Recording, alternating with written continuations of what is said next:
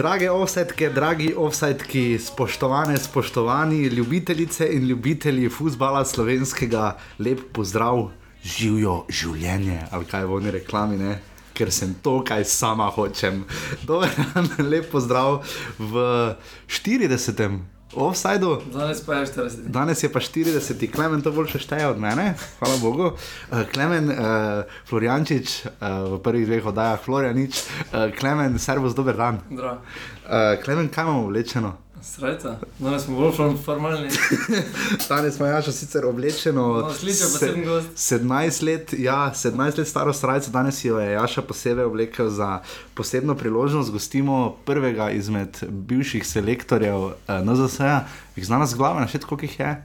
Bojan Prašnikar, Zdenko Verdenik, uh, Matjaški. Matjaš Kek, Branko Oblak, Srečko Katanec. Pa Slaviša Stojanovič, torej šest.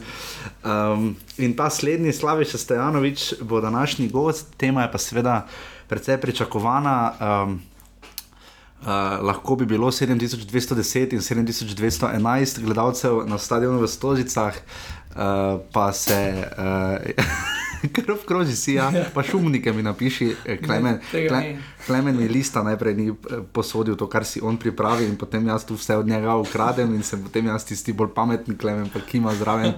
Eh, Klemen je strašansko utrujen, ker je imel zelo pester turnir z Malečnikom minuli vikend v Kidričevem. Ne? Tako, ja. Povej, kdo je bil zadnji. Um, mislim, da je bil zavrž po Olimpijo med zadnjimi. Se sem te izvršil, da je bil pred zadnji. No. Vse pri tem UDC turniru, za, za ostale ne vem. No, um, skratka, pozdravljeni v 40. offsajdu, več do 40 smo že prigurala. Uh, uh, Oddaja o futbalu slovenskem, naši in vaši prvi ligi Telekom Slovenije, ki jo poslušate na iTunesih ali pa na SoundCloudu, tam nam kako oceno dajte, karkoli napišite, smo na Facebooku. Uh, pridno pa odgovarjava tudi na osetafnorbani.si. Hvala Bogu Batinu, GT22 in Reneju Puharju za sodelovanje v prvih oddajah, Marku Ulagi za logotip, frizerski bajti za začetno spodbudo in pa um, Perotu Brezniku za proti PSV. Eindhovnu. Ki si njega najde. to bom zdaj dodajal, to bom zdaj dodajal, da bo zapisnik malo bolj dinamičen, ker tako ali tako pripravljamo kot vedno. Novosti pripravljamo že od začetka oddaje, pa jih še ni, tudi oni, ki jo imamo grede, bomo podelili tiste nagrade. Samo če se noben še ni oglasil, torej tisti, ki so naši najbolj zvesti poslušalci, ali poslušajo samo goste, ali poslušajo samo tebe, ne vem, kakorkoli. Uh, torej, um, stopili smo v mesec juni, uh, mesec Evropskega nogometnega prvenstva.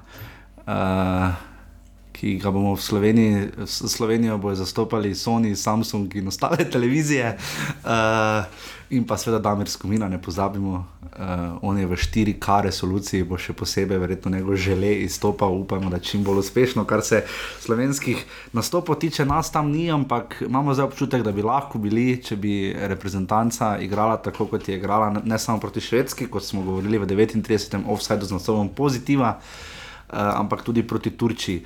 Klemen rezultat je bil uh, na koncu nič proti ena.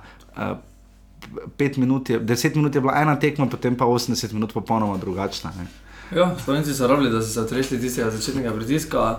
Uh, Turki so zelo visoko stali, pressing, eh, igrali zelo pressing igro, napadali Slovenijo, uh, iz prekinitve povedali. Uh, pol po desetih minutah, ko je Kurtič eh, iz, iz prostega strela, ne, ni bil prosti strel, iz daljine vdora, uh Mhm. -huh. uh, močen strel. Uh, takrat so po tistem kotu so nadaljevali z neko igro, so komaj, so komaj sestavili nekaj zaporednih podaj in, uh, in uh, prevzeli pobudo, ni pa bilo zadetka, že nekoga tekme, to moraš ti vedeti. Uh, štiri tekme, na štirih letošnjih tekmah je Slovenija dala en gol, uh, zdaj serija. Uh, Da bi bili tako impotentni pred golom, ta še ni tako kruta, je pa res, da statistika pač pove svoje. Uh, kot je rekel Ivo Milovanovič, da to predstavlja le za trenerje in pa za, uh, za trenerje in pa za tiste, ki to organizirajo. Dobro, tudi nam nekaj pove statistika, recimo o pretečenih.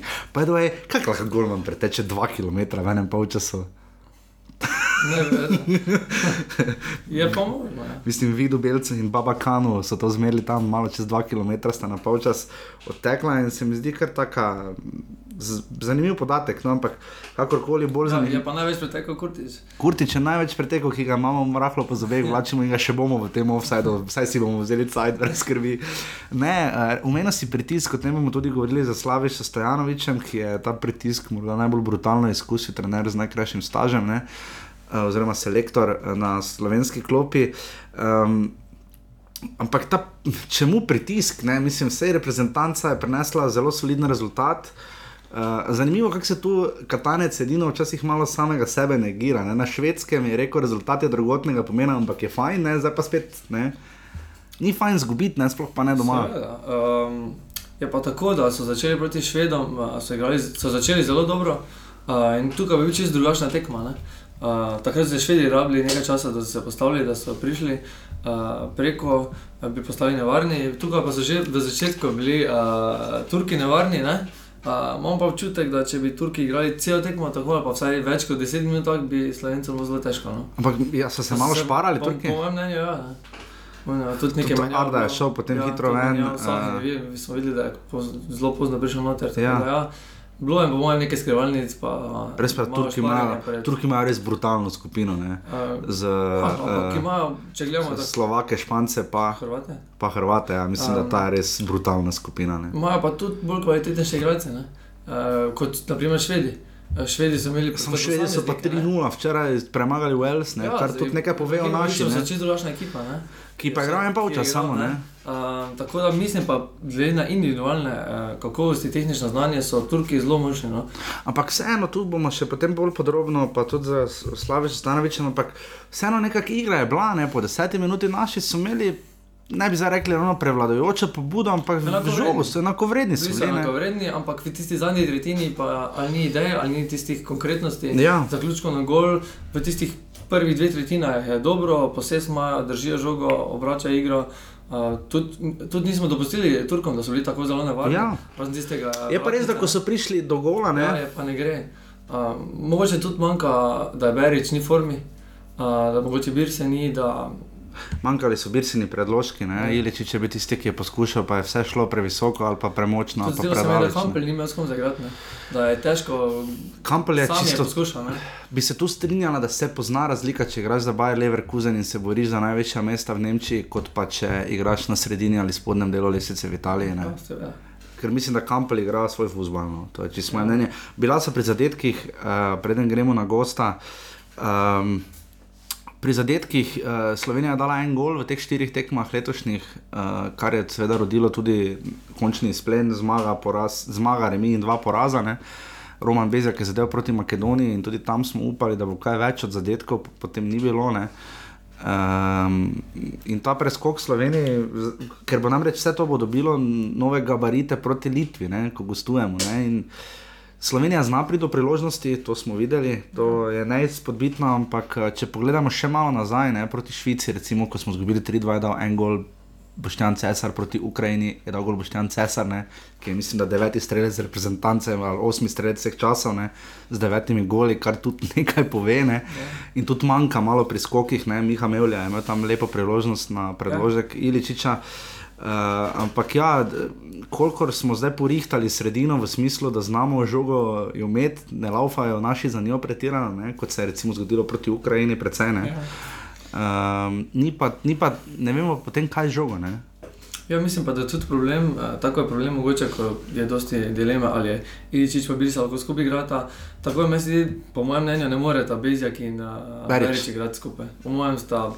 Preveč- Samo sta pa lažje do žoge prihajala, Ja, ja, ampak- ko sta prišla Novakovič, pa Verbič, je Verbič laufal kot kojn, ne, na krilo, Novakovič je pa spredaj stal, čakal in potem dočakal priložnost in Po kola mojem mnenju je boljše, da si razdelite minutažo Bezjak in Berič, da igra Verbič na strani oziroma Birsa. Ampak Klemen, kje pa bo Kirm? Ja.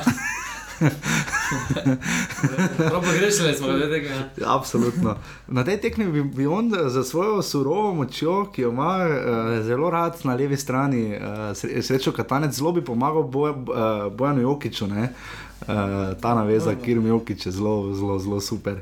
Uh, skratka. Um, pa na koncu smo videli potem prvič tako malo bolj italijanski princip novinarstva, ravno Urbano Renčič, ki smo ga bolj vajeni uh, z bundo in kapo na glavi, uh, je postavil direktno vprašanje za Edija Rejo, ne srečo Katanca. Mislim pa, da to ni bilo primerno. Misliš, da ne? Te, ne jaz, jaz sem se za glavo prijel, ko te vprašal. Res? Mislim, da to. Da, da Katanec, po mojem, sploh ali je vedel, ali ne, ni vedel, mogoče, ne, se je videlo. Da, mu, da mu nekdo gre to povedati eh, po takšni tekmi. Je samo zato ima NZS tiskovnega predstavnika ja. in celo falango ljudi, ki za to skrbijo ja, in delajo. Bilo je, bilo je zjutraj, bili so italijanski mediji, ni bilo niso slovenski. Ja, ampak ne, se niso ni to raji, pa gazeto Delo Sport niste to objavili sredi 60 ja. minuti naše tekme. Ne, to ja, bi moral. Vseeno, no, bil je ja, z ekipo, bil je, nisi, nisi koncentriral na to. Ne. Ker je, ni, ni medij napad, se ni Urbano Renčič kriv, da je to vprašal, zdaj so ja. potem tudi na tiskovki vprašali. Pa tudi srečo Katanec je presenetljivo dobro Dobro, reagiral. Na je po mojem normalno, tukaj pa se. se je še zabaval. Ja, ampak tu je nekako um, vprašanje, ki govori o tekmi. Po tekmi, tako je prvi vtis, govoriš tudi v Angliji, vemo, ko govoriš o tekmi, bilo kako v zadetkih, ja. o sodnikih. Ja, čeprav... ne, ne, ne sprašate se po taki tekmi o prihodnosti. Ja, vprašali so klopa, če je Evropska liga najbolj uh, verjetna pot za Liverpool, da bo igral drugo leto v Ligi prvakov, pa je novinarja samo pogledal, pa se mu nasmejal. Teda, tu, tu se strinjam, ampak definitivno bi. Uh, bi bilo fajn, če takšne stvari selektorja ne presenetijo. Po mojem je to vprašanje bolj za Čeferina kot za. Seveda je, ampak Aleksandra Čeferina tudi oddaja offside čaka. Aleksandra Čeferina smo zdaj dali nekje med, na lestvico med Kristjanom Ronaldom, Džanim Infantinom in Lionelom Messijem za želje v offsideu. Ja, približno tako težko ga je dobiti. Ja. Uh, pa tudi Zlatko Zahovič, tu nekje zelo blizu, morda pred Josejem Murinjem, ampak uh, tudi to vse bo v offsajdu, to je vse v načrtu za novosti.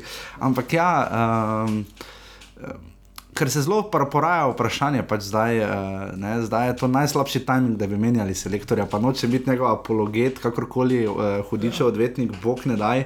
Ampak ti, uh, ker naredili smo namreč anketo in se, uh, jaz sem jo naredil zjutraj kratko na Twitterju in vas je več bilo, zato, uh, približno tam 60%, zato da bi Katanec prepustil mesto komu drugemu.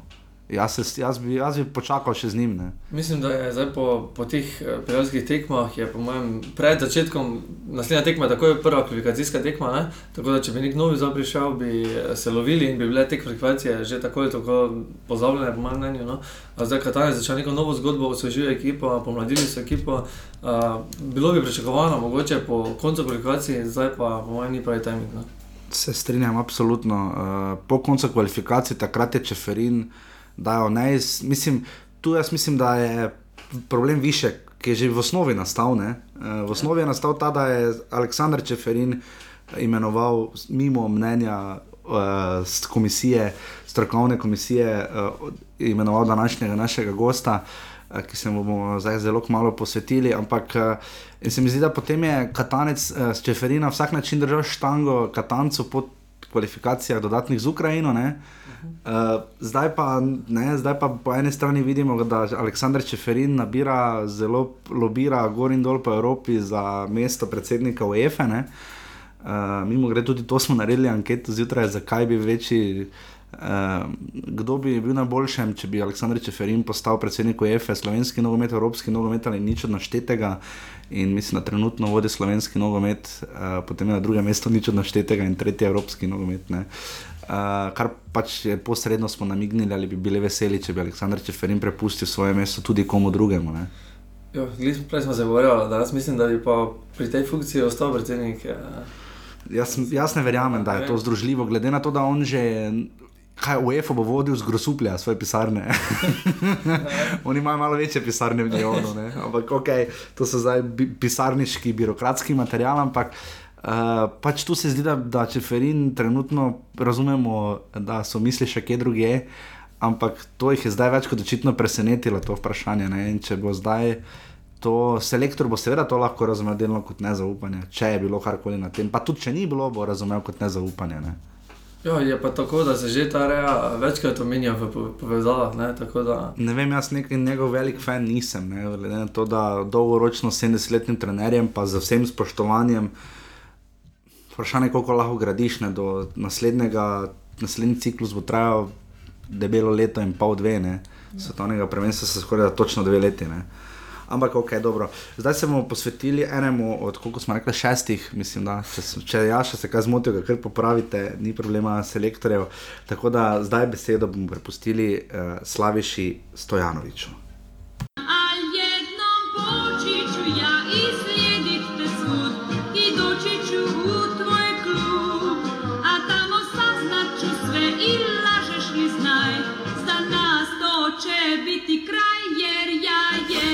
Tako naš gost je, kot rečeno, Slaviša Stojanovič, eden od bivših selektorjev uh, Slovenije in pa tudi trener, ki je uh, kar nekaj dosegel na slovenskih nogometnih zelenicah, ne nazadnje z domžalami in ima zdaj že kar vedno bolj pester, pester uh, rezime in tudi renome. Uh, Slaviša Stojanovič, lep pozdrav. Dober dan, dober dan, lep pozdrav tudi vam. Uh, Slaviša, kaj počnete trenutno zadnje dni? Ja, trenutno, trenutno se probujem se uh, umiriti in spočiti od vseh, vseh potovanj, predvsem na Kitajskem in ne na zadnje tudi, tudi na zadnjem potovanju, ko sem prišel uh, iz Kitajske, tako sem moral uh, odleteti v Beograd. Tako da je približno sem tri dni doma, probujem se prevaditi na, na, na okolje, na časovno razliko in to je prioriteta, s katero se obadam zadnji dni. Uh, bili ste že pred Kitajskim, bili ste tudi na arabskem polotoku, ampak se, kakšni so se ti slovenski nogometni, pa ne bomo začeli s problemi, boh ne da. Kakšen se zdi, se zdi slovenski nogomet, uh, ko je človek enkrat na Kitajskem?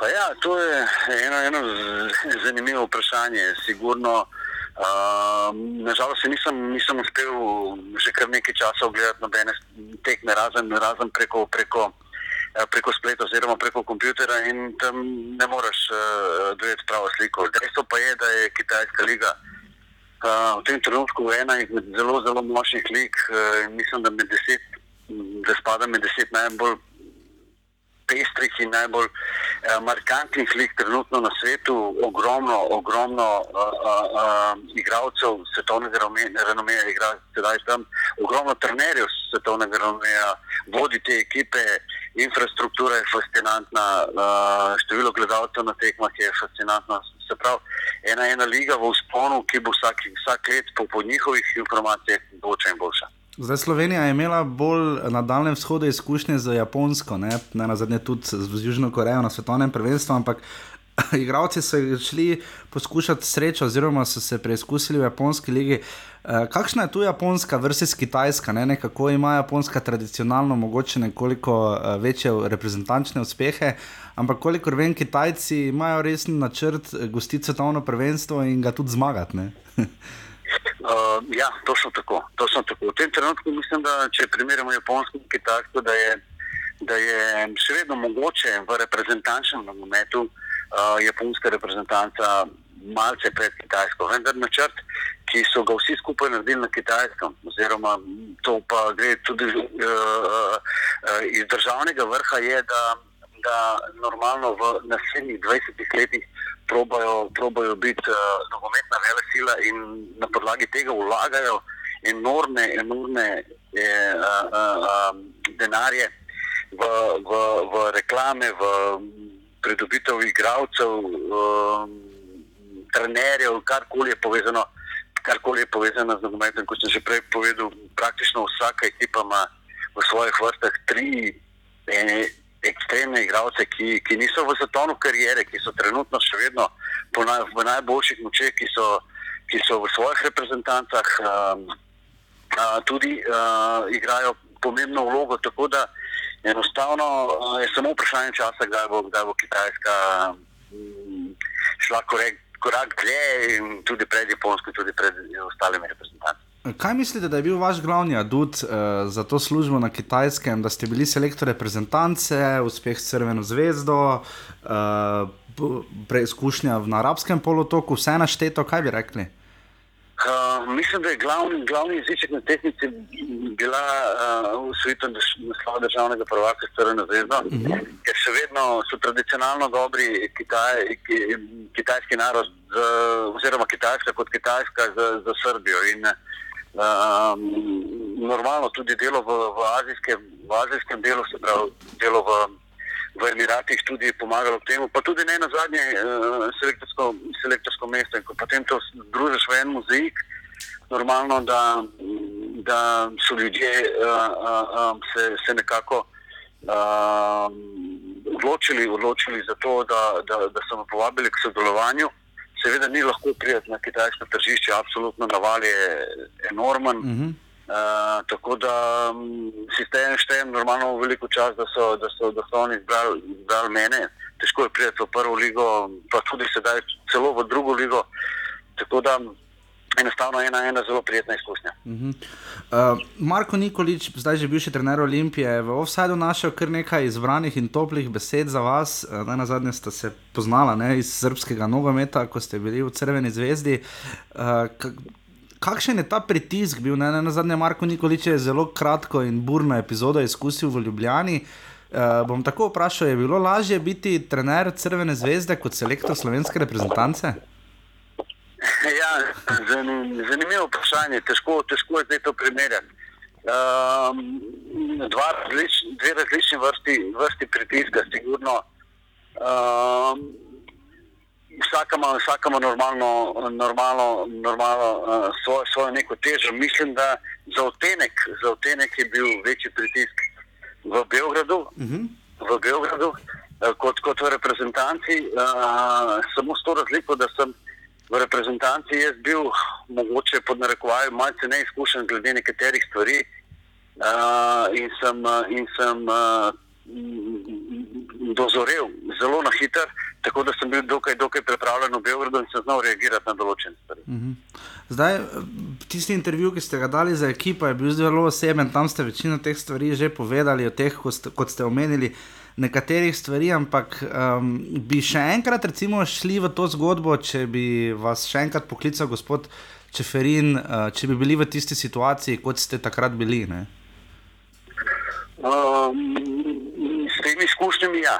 Temi izkušnjami, ja. Um, šel bi še enkrat v zgodbo.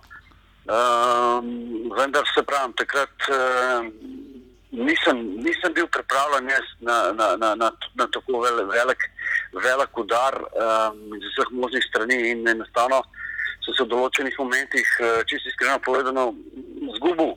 Zgubo v tem nekem uh, razmišljanju, uh, zakaj, zakaj je to potrebno in zakaj, zakaj je uh, uh, temu tako. Govorim povsem o nenogometnih stvareh. Uh -huh. Jaz mhm. razumem, razumem kritiko in razumem vse, kar se dogaja uh, na igrišču, ocene uh, porazov, ocene ne pristopa in to je ne posebno jasno. Vendar so se stvari, stvari bile mnogo, mnogo globje od uh, samo dogajanja na igrišču in enostavno um, sem eno.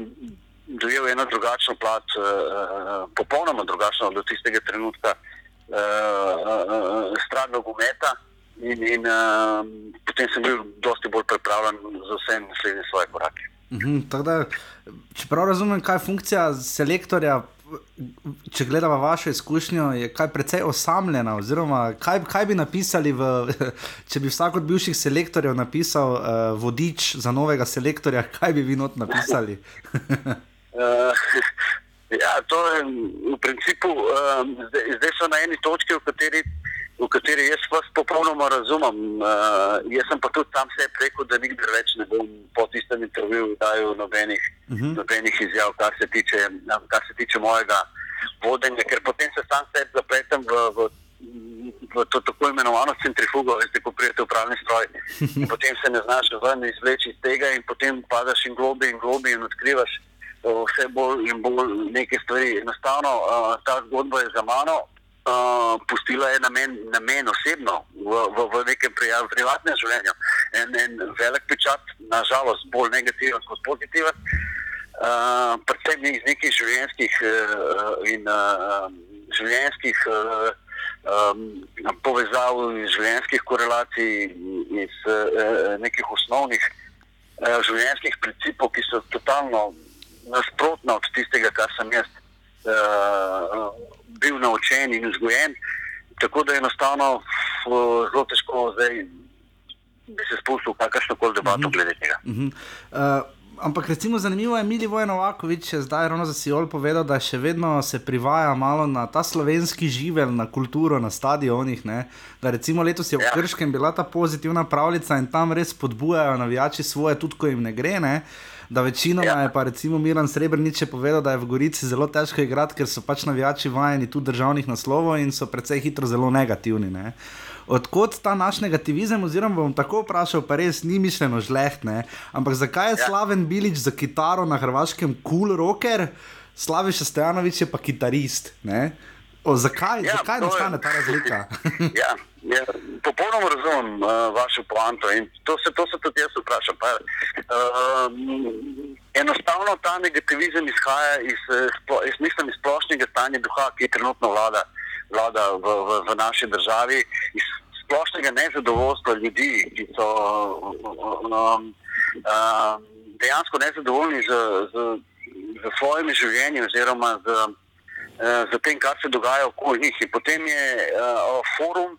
Forum na različnih internetnih straneh, oziroma stadion, prostor, kjer on lahko vse svoje frustracije, domilje volje, uh, domilje volje uh, uh, uh, uh, da ven iz sebe in potem normalno s tem ukrivi nekoga drugega, in uh, da mu je pa potem življenje še toliko lepše, uh, si reče, da vse, uh, jaz nimam, pa tudi ne bom imel.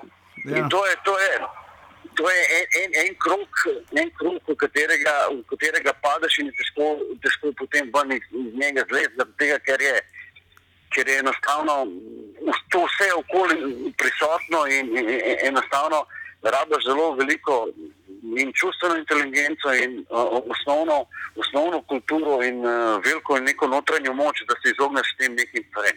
Uh, zelo kislo lahko je spade, ne? recimo Matjaš Kek ima pač, če je kdaj kaj povedal, je rekel, da verjetno ne bo več selektor reprezentance. Tu srečo Katanec se predvsem muči z mediji, morda tu še najbolj branko oblak, pa bojem vprašati, kar ste nekako zrazdali. Ampak bom tako vprašal, zamiva na primer domžale. Dom, za, ja. Včeraj so domžale drugič postale prvak v košarki, zelo prijetno domačno vzdušje. Ne? V nogomet se pa to nekako v domžalah ni preselilo. Ne? Ali pa recimo, če primerjamo zgodbo smočarskih skokov, ko smo vsi slovenci, vsi planica, vsi Petr Prevc. Ne? Vsi bi radi bili Peter Prevc, noben ne bi rad bil srečko katanec. ja, mislim, e, e, e, zelo kontradiktornih stvari se dogaja. um, tukaj, tukaj v Sloveniji. Um, Takrat, ko je, je vse dobro, um, potem so, so vsi del tega, vsi so zaslužni, vsi se objemajo, vsi znajdejo neko, neko svojo pot oziroma svoj razlog, da se vključijo v to pozitivno zgodbo, kdo je vse zaslužen. Medtem ko pa, ko pa slučajno te narobe gre, zelo na kratko, potem se točno ve, kdo je krivec in cel Rafal, Rafal gre, ne, Rafal gre enostavno na njega. In, Uh, zelo težko. Jaz se spomnim besede enega bivšega selektorja. To je zelo dobro, tudi ko sem, ko sem postal selektor reprezentanta Slovenije. Je. Če si hočeš uh, podnarekovati zezati kariero, postani selektor slovenske reprezentance. Nogometne reprezentance, govorim. In uh, prej v, prejšnjih, v, v prejšnjem vprašanju ste ga tudi omenili, pa ne bi jaz rad. Uh mhm. -huh. Ampak to je splošno znan, znan, znan stavek uh, bivšega selektorja. Isto, Eh, tako da enostavno uh, jaz uh, v tistem razpotju, če ne bi, če ne bi naredil uspeh v, v, v Beogradu, enostavno bi, bi, bi moja karijera se, se najbolj šla v eno, eno nepravo smer in vprašanje, če bi se lahko izvlekel iz tega iz tega ven, na, na vso srečo se je obrnilo drugače. Ampak ker je res zanimivo, ta, da ta uh, uh, naj biti selektor reprezentance je očitno dober štempel za vpasoč. Ne, ne na zadnje, Matjaš Kek je zdaj že lep čas, trener reke. Ne. Eh, dobro, Marjan Pušnik ni bil selektor, ampak je zdaj postal trener Hajduka, vi ste bili v Crveni zvezdi. Uh, trenerji ste kar poleg Golmanov, trenutno nekako najbolj roba, ki gre zelo hitro v tujino, pa kar v zelo zveneče klube ne, in dobi kar precejšno uh, priložnost. Je to nek trend ali ste vsak posebej, se kaj slišite, kak je na tem? Um, mene veseli to dejstvo, da so tudi v regiji malce širše tudi. Um, uh, pogledali, pogledali na ta naš prostor, oziroma na slovensko nogometno šolo. Ne, na zadnje smo vsi produkt slovenske nogometne šole in uh, enostavno v tej, v tej neki uh, tujini Um, relativno dobro, dobro funkcioniramo in veseli me, da, da je tudi Matjaš na Zreko, pa, pa zdaj Marjan uh, v Hajduku, jaz v Zvezdi. To so, to so, to so ekipe, ki, ki imajo svoj status, to so ekipe, ki imajo svojo zgodovino. Težko je prijeti noter, težko se obdržati. Tako da enostavno je potrebna, potrebna je kvaliteta, kvaliteta za to. In, um, uh, mislim, da so. Uh, dobro delo, ne na zadnje, tudi informacije o tem pridejo, pridejo tudi v najbolj, najbolj oddaljene kraje, sigurno. Uh, tudi ostale uh, republike bivše, bivše Jugoslavije so končno dojele, da, da se tukaj producira tudi dober trenerski kader, dober igralski kader in pokazali so tisto stvar in se upali v, v ta projekt. Vidim, da zdaj Ni pa lahko, ni pa lahko enostavno, ker je opozicija posod, posebej v tako velikih klubih, uh, kot so prej omenjeni. Uh -huh.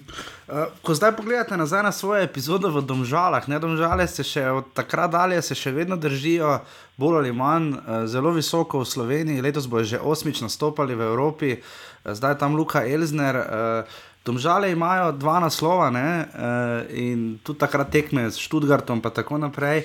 Uh, kakšna je bila ta zgodba, zakaj so takrat domžale uspele, oziroma zakaj še vedno recimo, so domžale nekako ponavadi samo umevno tretje, ne? zdaj trenutno za Mariborom in Olimpijo, ja. ampak so vedno tu nekje, ne? zakaj?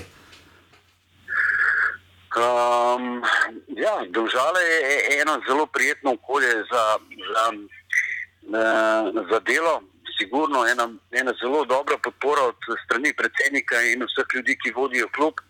V tistem trenutku je mogoče malce nam bilo lažje, ker enostavno um, je, mogoče ni bilo olimpije, pa smo mi iz tega, uh, olimpija je bila v nižjih tekmovanjih, smo iz tega bazena lahko črpali najboljše, uh, najboljše igralce oziroma najbolj perspektivne igralce.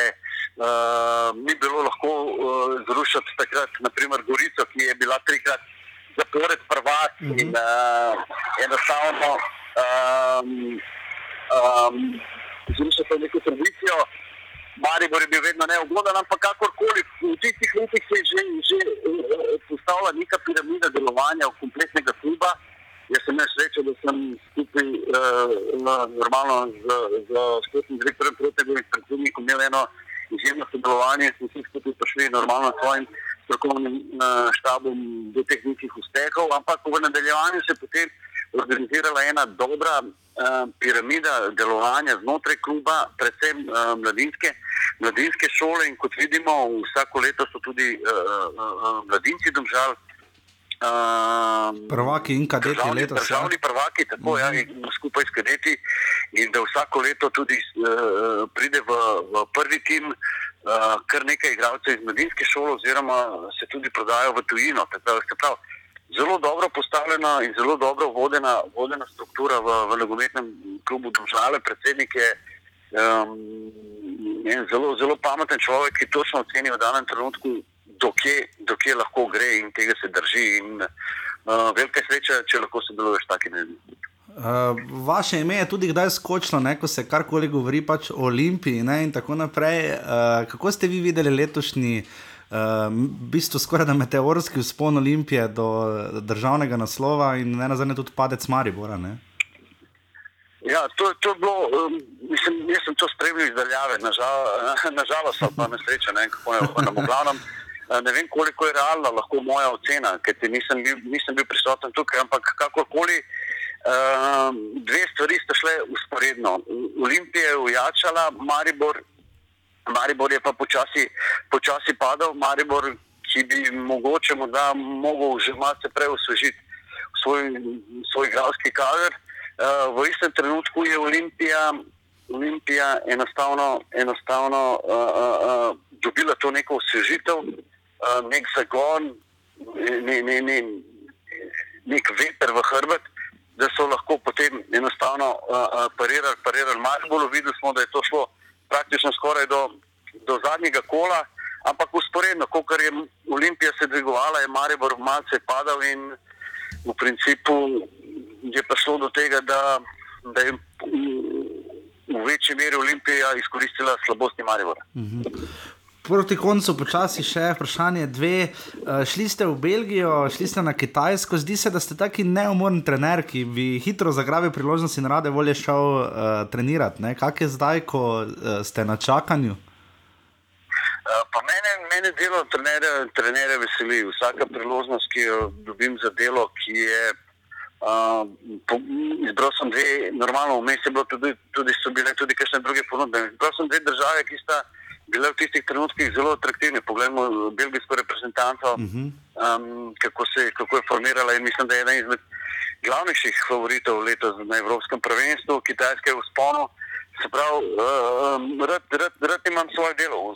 Vsakič se ne da narediti uspeh, vsakič uh, moram biti tudi realen, da je s tem najbrž meni podobni trenerji ne bomo mogli uh, dobiti najboljše ekipe v državah, ampak se bomo mogli boriti pač z ekipami, ki so, ki so več ali manj na dnu in probati nekaj narediti, na neko, neko presenečenje, da lahko morda nekoč vzameš kakšno boljšo ekipo. Um, in to je, to je dejstvo, katerega se jaz, katerega se jaz zavezam. Včasih je treba iti v rizik, včasih se ta rizik izplača, včasih treba poiskati novo, novo sredino. Mm, kaj pa morda kakršna koli angažma v Sloveniji, to je želja za stara leta, za trenutno, za karkoli vas je, vas je kdo kaj kontaktiral, ne? kako je s tem, se bivše selektorje sploh pokliče, če bi bili trenerji katerega od klubov? Ne, jaz že lep čas nisem dobil nobenega klica iz, iz, iz Slovenije, e, tako da na stara leta pa se ne mislim vračati pa potem delati tako, da zaključim kariero kot, kot, kot igralci. Morda vzamem kakšne, kakšne mlade fante uh, tukaj na Kodelju, kjer, kjer, kjer sem v principu skoraj, skoraj da doma. Imam pa mogoče željo, da počnem posebno druge stvari, uh, ki, niso vezane, ki niso vezane dejansko z nogometom. Tako da mogoče pokličem Slavena Biliča, pa če bo za stvar, da, da, da odigrava, pa da posnava kakšno ploščo. Absolutno, Slavenu Biliču je res uspela sezona pri West Hamu, ne? presenetljivo, glede na to, kje je West Ham bil lani. Uh, ja, res, res, je, res je. Jaz sem vesel za njega. Uh, čudujem ga iz, več, iz večjih kotov, uh, poznava se. Igrala sva kot, kot igralca, en proti drugemu, kar nekaj, kar nekaj tekem, kot trenerja se poznava dobro. Tako da eh, želimo še, še korak dlje v naslednji sezoni. Je pa res, da eh, en taki konkretni kitarski duo, ne, uh, ta ritem kitara, pa solo, pa potem izmenjava. Ne, mislim, da bi uh, za slovensko-hrvaške politično-mednarodne odnose bila kar, kar dobra stvar. Najbrž le svoboda ljubitelja malo težkih zvokov, alternativnih heavy metal. Tako da ja, mislim, da bi bilo dokaj, dokaj, dokaj zanimivo, če ne bi kašli te, te politike odnesel iz, iz, iz sobe od težkih zvokov. Res je. Um, morda še samo to vprašanje, uh, kakšen renome uh, Slaviša Stojanovič misli, da ima Slaviša Stojanovič v Sloveniji? Absolutno, absolutno ne, razmišljam, ne razmišljam več o tem. Uh -huh. um, iskreno povedano, tako kot vse te dosedanje moje besede, nikdar ne kalkuliram, nikdar nisem preudaren, enostavno povem tisto, kar mislim. Brez kakršnih koli um, uvinkov, ne razmišljam, kakšen razum imam. Uh, vem, kakšen ga imam, imam uh, v, v Beogradu, vem, kakšen ga imam med navijači. Crvene zvezde, vem, kakšen ga imam na Ravskem polotoku. Tukaj je tole malce zamegljeno, se bojim, da ni, da ni kaj pretirano pozitivno, ampak tako pač je in se ne ukvarjam s tem. Človek je potem vedno tako naravnan, da pač poišče sredine, v katerih, v katerih se počuti dobro in kjer, kjer se počuti, počuti naj, najbrž bolj, bolj, bolj spoštovano, mislim, glede, glede svojega dela, to, to, mm. to, to, to mislim. Ne. In še to bi si, upali, bi, bi si upali napovedati, kaj bo letos z državami v Evropi. Lani so proti Čukaričkemu se je zdelo, da je Čukarički bil resno premagljiv, pa je pol šel Čukarički naprej. Ne. Ja, to, to, je, to je včasih res odvisno tudi od žreba. Uh -huh. uh, kar se je pokazalo na dveh tekmah, jaz sem, jaz sem pogledal te, te tekme. Na eni strani sem bil zelo med dvema ja, ognjema, ker smo prijatelji na obeh straneh. Um, enostavno je bila možnost, da se gre čez. V istem trenutku sem povedal, da je Čukariški le tako izkušena ekipa, da bo izkoristila najmanjšo možno napako in to se je tudi pač zgodilo. To so tudi v pripravi tekme govorili z Lukatom eh, in sem mu nekako povedal, da, da se ne sme dovoliti praktično nobena napako, ki je lahko posebno poseb naivna, ker, ker imajo v svojih vrstah, oziroma so imeli takrat v svojih vrstah igralce, ki bodo znali to pelati na, na tak način. Uh, letos bomo povedali, kakšen, kakšen bo žreb, želim jim normalno uh, v prvi vrsti ugoden žreb in potem veliko sreče v nadaljevanju. Tako kot vsem ekipam, ki so, ki so v evropskih uh, tekmovanjih uh, od naših ekip. Seveda. Absolutno. Slavi Šestjanovič, najlepša hvala za vaš čas. Uh, upam, da se, upam, da se v kakršni koli kapaciteti v roku kakšnega leta dni spet slišimo, uh, kjerkoli že boste. Uh, tako da res hvala za vaš čas in upajmo na čim več uspehov v slovenskem nogometu in pa vam. Ne? Hvala, hvala tudi vam, uh, hvala za klic in rade volje v prvi priliki, da se zopet slišimo. Najlepša hvala, adijo. Adijo.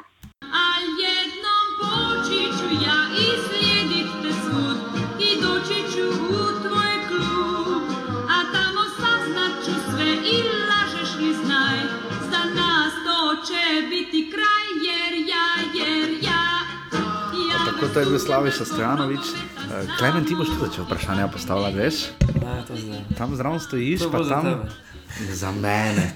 Bila Za sem pol uh, glasbena kolega. Vidiš, to ne smeš zdeti kot žaljivko, to je full kompliment. Hvala lepa, pa bi enkrat bi igral kitaro s Slavišem Stojanovičem, zakaj pa ne?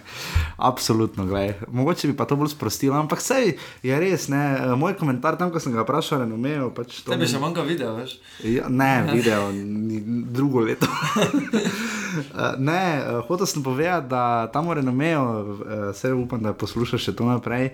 Um, da, uh, da renome je, da pač v tistem danem momentu za selektora res ni bil, pa ne zato, ker on ni bil toliko za selektora, zato ker tisti, ki ga je nastavil, ni bil za tisto funkcijo, ker se je tudi on lovil. Uh, je pa bil zelo dober trener v slovenski ligi. Ne? Ja, to mnogi pozabljajo, je bil. Ja, on je bil res dober trener z Domžalami. Z Domžalami ni, ni lahko biti z Domžalami, pravi, zdaj vidimo. Dvakrat. To povedamo. Uh, plus v Evropi so imeli nekaj uspehe, ki Ja, zanimajo. ne. uh, prodali so nekaj igralce, ki sedaj jih, vendar takrat je pač čisto drugače. Še Stevanovič v rasi sedati in, in to je uspeh. Hananovič je bil pri njih. tako Da. Ja, tako da ko bo. Um, Ko bo Luka Elizner šel za trenerja Barcelone, uh, mislim, da uh, lahko uh, nadaljujemo potem v tem oziru, uh, da bi pač morda tudi Slaviš Stanovič se kdaj še vrnil v slovenski nogomet, ampak sodeč po slišanju, mislim, da ga trenutno to kaj pretirano ne zanima. Ampak, ko je nazaj, k tekmi Slovenija-Turčija, uh, da bi nekako pogledala, zdaj, um, uh, kar povej tu, kaj si si napisal, da ne bi jaz tebi kradel z lista dol. Ja, napisal sem si postavil, to, smo, to sem jaz skrat drugim. Ja, sledile so štiri Katancu. spremembe, štiri, štiri spremembe so le v prvi postavi, primerjavi z Švedsko. A, Poškovanega krona vetra je zamenjal Kurtič, a, Krhina je zamenjal Vrhovec, a, Skubica je zamenjal Struna, ter na štoperskem položaju je zaigral debitant Mevlja. Um, Ki je vredno odigral, ne? tam je imel priložnost, pa tudi pri golu ni bil on kriv. Ne? Ja, pri golu je on kriv svojega. Igralca. igral dobro, zanesljivo sta oba igrala, vendar vseeno se ne moremo tresti, da Anželkovič ni bil pri teh takih situacijah za niti poklican. Primerjavi, da je v prvi postavi pred igra pred struno, uh, struna pač igra malo drugačen, bolj grob nogomet. Uh, Torej, prvi štoper je Boštjan Cesar, to se strinjamo, ko je zdrav ne? in pripravljen igrati. drugi je Ilič. Ja, vidiš, jaz bi tudi ukrajinca zraven, ne, ne vem, Ja, kakšni so plani z mlado reprezentanco, ampak če še sploh Moj par bi bil Anželkovič sam vrtič, tako da bi enako Pa ona dva, ne. pomladil, pomladil bi tudi naš dobro. Mislim, da je na te- Cezar igra. tekma s Turčijo predvsem premaknila struno še na eno mesto Ja. zadaj. Ne. Ok, zdaj hiter reality, eh, gremo na evropski uh, futbol zemljevid, četrto mesto v romunski ligi. Kam bi to dali v slovensko ligo, je to boljše od Olimpije, nekje tu vmes? Ja, to, to, to je splošna relativnostna teorija. e, je futbal na kvadrat. No, uh, ok, potem bočna igralca, predvsem se katanec. Uh, Moral se je tu znajti malo bolj uh, z nekimi novimi igralci, uh, ampak uh, mene malo skrbi prejeti gole posledica teh kombinacij v obrambi ne, in malo neoigranosti. Brez Bostjana Cesara ni poveljnika, Pa že Handanovič se malo pozna, ki je vendarle imel to stabilnost pri predložkih, ne pa daleč od tega, da bi oblak pa belec bila slaba golma, na belec je vrhunsko spet branil. Ne. Ja, sicer bila manjša nepa, nepazljivost v tej peti minuti, ampak. Ja, Sam tisto ni bil njegov gol, ne. ja seveda. Ampak uh, ja, tudi pri Bočnih je bilo pol sprememba, jo, Jovič prišel na to. Boman Jović je dobil priložnost. Dobil je več kot pol ure. Na mesto Strune. Andraža Strune, Strune. eh, na desnem boku. Jaz mislim, da Andraž Struna, jaz imam pri njemu težavo z njegovim obvladovanjem žoge, vse v reprezentanci, priznam, da ga klubsko ne gledam. Zna se pa- pa. Katanec ne gledamo, ja. Ne, ampak zna se odkriti, v prvem času se zelo visoko prekrat ampak predložki so- predložki je proba s kamplom na desni, tako da tu je bil ok, ampak pri desnem se mi zdi, največji, ko, zdaj ko se lovi uh, dediščina Roberta Englara in Miša Brečka, ne, uh, dvojko ima na svojem hrbtu praviloma Nec Skubic, ne, ampak tu čakamo zdaj, kaj bo s Petrom Stojanovičem, ki bi nekako vse za moje pojme moral biti prva izbira. Ne. Ja, zdaj morajo slediti uh, te priprave. To do, do septembra se bo skristaliziralo, tudi kako Dinamo igral v Ligi Proko. Če bo prišel, če bo takrat on prvi, če bo prvi desni branilec pri Dinamo, verjamem, da bo tudi dobil priložnost v slovenski reprezentanci. Um, Ponovadi pa je tako, da če igralec se us- uspe izkazati v tujini, pri Katancu ga um, tudi posledično uporabi v reprezentanci. Kaj pa na levi, na levi pa imamo Boba, Ja, Bojana Jokiča, ki je, smo rekli, zelo borben, zelo pripaden, reprezentanci zelo dobro igral. Tudi na koncu je on šel po levem krilu, ko, ne, ampak je pa res, da leta se tu že poznajo Ja, zelo. vprašanje je tudi pri njemu klub. ne. Ja. ja. Bo zamenjal klub, če bo naslednji klub, bo zelo pomemben, glede na njegova leta, da bo še vseeno redno igral. Uh, tu smo videli, kako je Brečko naredil en korak, uh, Ja. kak, kako en korak niže, šel je v drugo Bundesligo in, uh, in je Vseeno, tam. ampak je igral, ne? Ja, in, in se je poznalo proti Ukrajini, je zelo dobro igral. Ne? Ja, in, um, in to, da, to, da je Jokič ne bi igral, bi bilo zelo slabo za slovensko Pa reprezentanco. menjave, Neke kao ni. ja, Ja, izbire ni, sem ti že znanič rekel. Ja. Izbire ne bo, ko bo Nec Vidmar, pa grega Sorčan, ko boste igrali levega beka z desno nogo. Okay. Potem smo imeli na sredini uh, kar te spremembe, ne? uh, Blaž Vrhovec, boljši od Krhina. Jaz mislim, Ja, da sta zdaj vsaj enako vredna, sodeč povedanem. Ja, treba se zavedati, da sta drugačen tip igralca. Sta? Uh, on je nek. Hrihin je nek destruktor, uh, zadnji vezni, on pa je bolj varianta Pirlo, varianta, ki Ja. začenja napade, organizira igro. Um, ni grob igralec, igra. Sploh v dvojcu za Kurtičem ja. rabiš takega igralca. ne? Ja, ja, ja. Ampak po mojem mnenju je, je vrhovec prerastel Slovensko ligo in glede na videno na teh tekmah bi pričakoval, da bo on tudi menil klub v, in bo v tujino. no. In enako bi lahko za prerast slovensko ligo veljalo za roka Krona Vetra, ki je tako ali Seveda. tako sam izrazil želje, ampak ga tokrat nismo videli. Videli smo Jasmina Kurtiča v precej eh, večji kapaciteti. Tu mi nisi napisal, da so menjave slovenske bile. A ja, Vse piše. a vse piše, gledaj, tu piše. A Kurtič je celo tekmo igral, več to spoveč, na koncu nisi bil pozoren. Uh, ne, pri Kurtiču, uh, zdaj korona veter tisti kao bolj, ne, zdaj. Bolj se tu, ko imamo še kampla, ki je tako free roll, precej se postavlja vprašanje tudi malo o sistemu. Ne? Zdaj katanec proba za 4-3-3, ki pa to ni nujno, da to je, dosti krat je 4-2-3-1. ne. Vse. Uh, kaj ti misliš, v katero smer? Ja, sploh uh, potem, ko smo videli, da Novakovič prišel, je bil zelo odrezan od igre. Nima dosti igre. Tu sta boljša Bezjak pa, pa Berič, ne, v Ja. smislu, da znata po žogo priti, ne, ker Tako. Slovenija zna zdaj žogo dobiti na sredini in hitro preskočiti igro, morda ni tako močna po bokih, zna po sredini. In tu je Novakovič bil popolnoma odrezan. ne. Ja, in, uh, in tukaj mogoče res manjka en Birsa, uh, ki bi s predložki mm, ali pa nekako zaposlil nekoga Novakoviča, ki pa zdaj nima dosti igre.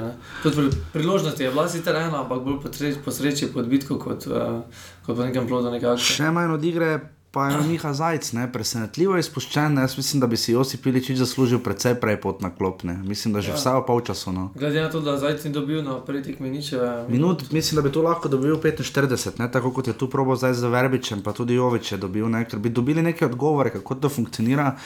Ker zajec pa za tako mladega fanta pa rabi malo več, več, da se sploh navadi, ker se je videlo, da na začetku ni točno vedel, kje pa, kak pa, zakaj ne. Uh, in pa Jurek Matjašič, lepa gesta, Drugi zelo lepa debitant, gosta, gesta. Jaz sem bil v četrtek, gledaš v Kidričevem, tam se podijo za žogo in ko pade gol, gasilska sirena, zarola za golom. Ne? Ono, kot ti reče novinarski kolega, stari gled Anglija, ne? zato ker je tako blizu, pride avtometat. Ja. In uh, ga vidiš četrtek tam, potem ga pa vidiš v dresu reprezentance in to preko zavrča. Ne? In Še en iz mariborskih logov. Ne? Jo, to pa ne vedo. Mislim, da ja. Uh, mislim, iz teh okolic, okolice, ja, doma. Ja. Uh, to sem mislil, ampak uh, fajn, da je dobra poteza Katanca, no se mi zdi. Ja, bo vprašanje ob nekih povratnikih, uh, če, če bo še sploh dobil poklic. Ampak mislim, da je lepa nagrada. Da... Seveda, da zdaj sploh dobil reprezentanta. Glede na to, da so se borili za. Pa so imeli dva reprezentanta, veš, Rijero pa Muslim.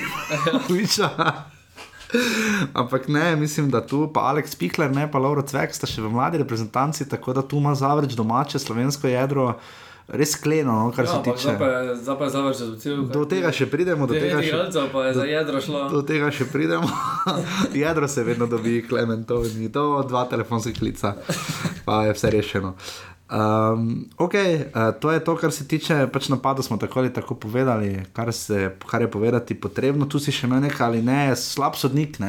Ja. Sodnik ni znal se um, prilagoditi ostrini, ki jo je pa morala biti skrena začela Slovenija, Slovenija začela trdo igrati. Ja, um, podobno ostro bila tekma kot, uh, kot na švedskem isto. Um, Videla sem, da Slovenci so se igrali tako ostro, ampak sodnik se je, po mojem mnenju, malo zgubil. A Slovenci so dali Turkom tisto, kar niso švedom. Ja. ja, um, napisal sem tudi uh, vratni za Turčije. Ja, tam, ko je. Um, ko je Volkan Sen odšel mimo Beleca in zadev. Eno na ena, sta ja. imela situacijo. Ja. Zadev vratnico, lahko bi se drugače razpletlo, lahko pa bi tudi Slovenija preko Iličiča oziroma Novakoviča zadela za izenačenje, ampak se ni šlo. Bilo je, kot sva rekla, 7209 gledalcev v dežju, nekaj težav. Um, mislim, nekaj težav, nekaj težav z vremenom, no, deževalo je to smislo reči, ne, da so nekateri imeli malo težav z garažno hišo, pa tako naprej. Ampak, Uh, da so bili kar precej mokri, vse klino, naš redni ljubljanski dopisnik, ki se bo še vrnil v offset, brez skrbi, čakamo na začetek priprav. Uh, tako da nič, ena proti nič smo izgubili za lesvico FIFA, ki je katanco na prioriteti, nekje med id v Merkator v trgovino, pa za lit rože, uh, je, uh, bo, ne bo najboljše, ne? vsak poraz se seveda pozna. Um, lahko bi bil remi, ne, remi tekma se nagibala k remiju. Ne. Je pa res, da Slovenija bo morala začeti počasi zbirati zmage. Ne. Imamo skupino, ki ni, ne, z Litvo smo imeli probleme doma, proti njim začenjamo v gosteh. Uh, Malta je v minulih kvalifikacijah kar nekaj točk odščipnila, uh, zelo slabe izkušnje z Malte, ima skoraj da Maribor na zadnje proti Birkir Kari. Uh, ko je tam igral nič, nič in so še malo težani zadeli prečko na prvi tekmi, na povratni se potem Maribor izlekel in potem so tu ne, še tri velike reprezentance, oziroma ja. Škotska je tu nekje kot mi, ampak imamo tudi slabe izkušnje z njimi zelo. Potem so tu Angliji, ki nas nekako uspejo premagati, ne, vedno za en gol in je to tone. Na prijateljski tekmi ali pa na svetovnem ali pa na dveh kvalifikacijskih so nas, mislim, vsaki za en gol premagali. Ja, nekako lahki tekmi, težko. Slovaki so pa tu, po mojem, predvsem tisti, s katerimi pa znamo imeti največ težav, ker mislim, da bodo tako hitri futbali igrali. In, uh, bomo videli, no, kaj ti misliš iz vidika teh štirih tekem, dveh offsajdov uh, in ene velike zgodbe. Uh, kaj, kaj to, kaj zdaj ti rezultati pomenijo za začetek ja, kvalifikacije? Ja, mislim, da rezultati zdaj glede na ekipo pomenijo dosti ena. No. Uh, šlo je tukaj, da Katanec vidi, da uh, ima širok kader, da vidi igralce, na katere lahko računa. Misliš, da je sprej video tudi ali samo video? Ja. To bomo bolj videli, glede na poklic. Ta poklic je temra, bo dosti. Uh, seznam je že pomemben. Ja, seznam bo že pomemben. Uh, bomo videli, na koga se računa resno, na koga se računa, ko bo odpadli oziroma poškodbe kartoni. Um, tako da, ja, te, te rezultati, trenutno prijateljski, jih ogromno niso pomenili, pomeni pa drugačna neka motivacija za njih, da so vseeno na švedskem dobili, dobili uh, nek pozitiven rezultat. Uh, igra je bila dobra, vendar bo treba dosegati zadetke in uh, lahki tekem ni. Uh, razen mogoče proti Malti, ampak vse ostalo pa. Ja, problem, problem je, ker je že druga tekma doma za oktober, za, za Slovaško doma, kjerkoli že tekma bo. Uh, se ne vem, ali so to že določili ali ne. Uh, Slovaška uh, doma. Ja. Vse, kaj bo manj kot 4 točke z teh dveh tekem, Ja, bo pa ob, ob dobrem začetku, bo pa potem čez drugačno neko vzdušje. Lej bomo videli decembra na Brdu, ko je ono tradicionalno srečanje, bo že marsikaj jasno. Takrat bo tudi dosti več jasno o tem, kaj bo, takrat bomo že vedeli, kaj se je bolj ali manj zgodilo ali upamo še dogajalo za slovenskimi klubi v Evropi. Najbolj zadnja informacija, ta je pa zdaj že sveža, potrjena, Maribor bo začel v drugem predkrogu. uh, kvalifikacij za uh, Ligo Evropa, uh, tako da bo igral tekmo 14. julija, prvo in potem teden dni kasneje povratno, uh, medtem ko bosta Gorica in Domžale začela 30. junija in uh, povratno igrali uh, 7. julija, ja, takrat imam jaz rojstni dan. Uh, uh, uh, ja, tako da um, to smo videli, videli smo tudi um, nekaj informacij z Mariborom, ne? uh, Velen Djaje, on je že bivši. Jasmin Handanovič je dobil podaljšano pogodbo, ugibamo pa vsi kaj zamerjem Derviševičem. Ja, tudi ja, dobil proste roke pri iskanju kluba, uh, treniral več ne bo s prvo ekipo, uh, igral pa moj tudi, da bi ekipa ne bo.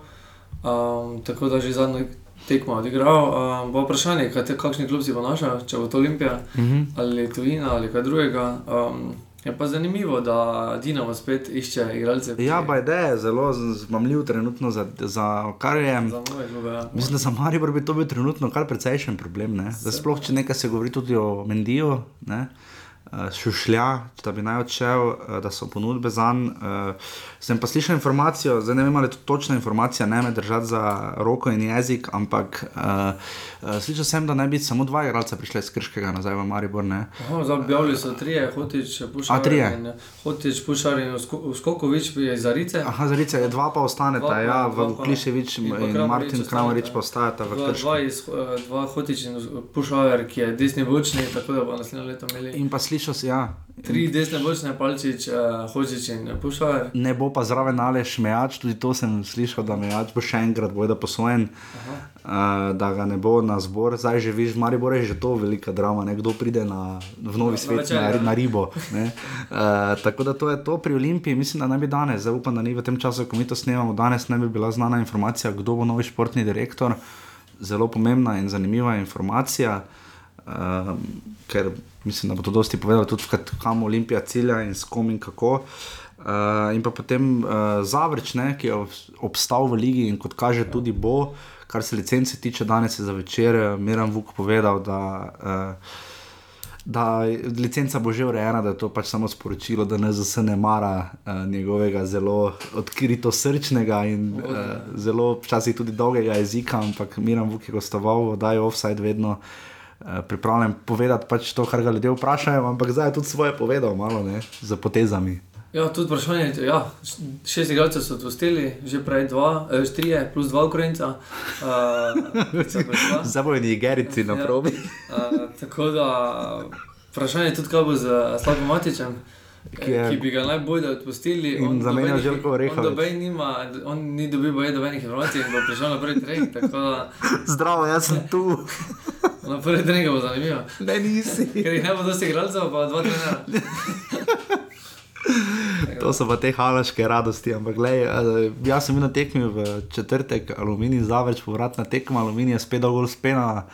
Ki si ga je spet rahlo neumno zakrivil Zavrč, ki je pa dobro igral, no poznalo se je, da so igrali Matič, Golubar in pa Jaksič. Ne. Ja, malo so močnejšo ekipo imeli, zdaj Vse je poznalo, ampak so padli tudi oni v drugem polčasu. Je bila pa boljša tekma. No, ta v Aluminiju se mi zdi, vseeno, da je bil ritem pa tempo boljši. Kot, čeprav je bila prva tekma 3 proti 2 za, za Zavrč, uh, je potem uh, takoj minuto kasneje Aleks Pihler stal na drugi stativi. Mislim, da je bil Pihler ja, podoben gol kot že v Zavrču, Kokorovič je mislim, da podal in potem žogal gol. In uh, to je bilo to, ne bo gasilske sirene v Kidričevem drugo leto v prvi ligi. Tako da tam, kot kaže, ostaja Zavrč, čakamo še na uradno potrditev na teh deset klubov. Um, tako da nič, uh, to je, mislim, da kar se tiče tokratnega offsajda, ne še čisto vse. Uh, bila, bile so kvalifikacije še za popolnitev uh, iz tretje v drugo ligo. Ne, Ja, za drugo slovensko ligo, uh, igrali so center proti severu, Lirija proti Brežicam, ki je bilo zanimivo, 0 proti 4. Ubili so. Uh, tako so Brežice dejansko že v Ja, zanimivo, zelo ligi. Um, tudi uh, Brda in Lušt uh, je bila sicer zanimiva tekma, vendar so končali nič, nič in bo na Belcincah uh, bomo mogli, mogli videti, kak zadetek, da bomo videli, kdo bo napredoval v drugo ligo. Bo ja še videl, če bo uspel iti, bo šel na tekmo v sredo, mislim, da je tekma. Ja, 8.6. so povratne tekme. Ja, so povratne tekme. Uh, mislim, da bomo videli. No, tu bi en gol, brd, bi znal biti zelo problematičen, očitno. Ne. Uh, tako da to je to. Uh, v petek se začne Evropsko prvenstvo, naše barve bodo zastopali Damir Skomina in kolegi. Uh, offset bo šel normalno naprej, predviden naslednji 41. offset 13. junija. Uh, takrat se bodo ne na zadnje začele že priprave praktično vseh slovenskih ekip, tako da bomo malo bolj na tekočem uh, z predstopi, prehodi uh, in bomo počasi malo takrat bomo tudi pogledali, kdo so možni nasprotniki uh, naših klubov. Ja, mislim pa, da bo ti nasprotniki um, tudi na zadnji dan se spremenili. Se spremenili da, ampak... ja. Zdaj bo zelo veliki seznam, seznam Olimpije, Olimpija, kateri nasprotnika lahko dobi, bo zelo veliki, na tisti dan pa bo zelo manj. Ja, pri Mariboru pa tam, pa, tam pa, ker naredijo po regionalnem Ja, ključu, tako ni pa je. nujno, zadnja leta so ni pa nujno. Ne? Uh, tako da uh, vem, da v Mariboru si nekako želijo, da ne bi dobili onih Poljakov, Glivice in pa da ne bi dobili Kajrat Almatija, ne Ja, še daljših enkrat v Kazahstan. ja. Ne? Ker recimo Poljska liga je kar problematična, so pa želje zanimivo Islanci. Ne? Eh, Ker, zato, ker so Hafna Fjodor, zato ker so veliko jih je tudi na Evropskem prvenstvu, še ena Islandija bo zastopala barve. In, uh, je pa res, da mislim, da se je prekinilo pri njih prvenstvo leto zaradi evra. Moram pogledati, ampak nisem siguren. Uh, pri Olimpiji pa tudi čakamo, ne? tam je pa tudi kar nekaj nasprotnikov uh, možnih, uh, Škenderbejo, Crvena zvezda. Ja, od Olimpije bo tudi odvisno, kakšna ekipa bo sama imela. Ja. A, Kdo bo športni direktor, kaj bo pripeljal. A, Je pa tako, da po mojem mnenju bi že zdaj mogli a, slediti neki prihodi, nekaj dogajanja, glede Mhm. mm. na to, da Maribor se vidi, da že nekaj pripravljeno ima. A, Se dogaja neke kadrovske spremembe pri Olimpiji, pa glede Ja. na to, da jih bo čakalo še težji nasprotniki kot Maribora v Mariboru, na primer, nosilec eh, cel čas. A, Olimpija bo stalno kot iz- izzivalec, a, ne nosilec, Olimpija bo imela stalno težje delo. Ne? Absolutno se strinjam. Uh, in v tem oziru nič, uh, so drugačni, malo ti vsedi reprezentančni. Ne? Jaz moram reči, da sem vseeno malo bolj skičen pri ligaških. No. Ja. Pač dogajanje, je pač to je ena tekma Ena in pol ja. šp- droljamo v njej in šprudlamo in gor in dol. Je nič, to je bil 40. okrogli offside, uh, tako da 50 bo kaj na vrsti tam, uh, te bo že kar pozno, to bo že konec avgusta, začetek septembra. Te bo Olimpija že daleč v Evropi. Lep pozdrav vsem preko trojanskim kolegom. E, to je to, slišimo se naslednji ponedeljek, ne Klemen? Ja. E, če Ja. ja. ne boš padal Ja. ja. znak od sonca, kak je Klemen zapečen, ne? ono, kako se ti pozna, da imaš uro tam, ne? mislim. Neverjetno. Neverjetno. Hvala Klemenu, da uh, gosti offside um, in da je tako prijazen. Če imate kakršne koli predloge za naslednji teden, kdo bi bil gost ali tema, uh, smo čez poletje zelo zdaj dosegljivi za naslednji dve oddaji na offside na urbani.si ali pa meni na Twitter ali pa nam na Facebook pišite, tam tudi na offside smo. Tako da to je to. Če se znajdete v offsideu, Uf, zdaj smo pa dobro. Ne? Dobo sem te, a 26 krat sem te že vprašal. Ja, pa še stalno ne vem, če je finta tega Ja, ti moraš dopolniti, ne? neka taka lucidna finta vezana na vdajo, mora biti. Aha, ok, bom razmislil, naslednjič. Ja, Če se znajdeš v offsajdu, bom razmislil, da naslednjič. Dva ena je bilo v offsajdih, mimo grede. Aha, okej. Uh, včeraj je za naše. Uh, tako da, če se znajdete v offsajdu, Ne, mislim, da bom jaz naslednjič začel te spraševati. dobro vprašaj. Če se znajdete v vsaj, Uh, ja. Res je, smo danes poletni. Tokrat lahko dopolnite, vi vam bomo dali pa dopolnite. Tako da hvala, da ste bili z nami, hvala Slaveši Stranoviču še enkrat, da je bil naš gost. In um, se slišimo v 41. offsajdu v ponedeljek, offside ne. Samo dajmo, gremo, uživajte v Evropskem prvenstvu, malo si spočite, razen uh, gledalci v Brežicah, ki bodo verjetno zelo slavili v sredo prestop v drugo ligo, kot vse kaže, in pa verjetno tistih 8000 ljudi, ki bo prišlo na tekme v, iz, iz, iz Beltinec. da, to je to. Uh, hvala lepa, da ste bili z nami, čau. adijo.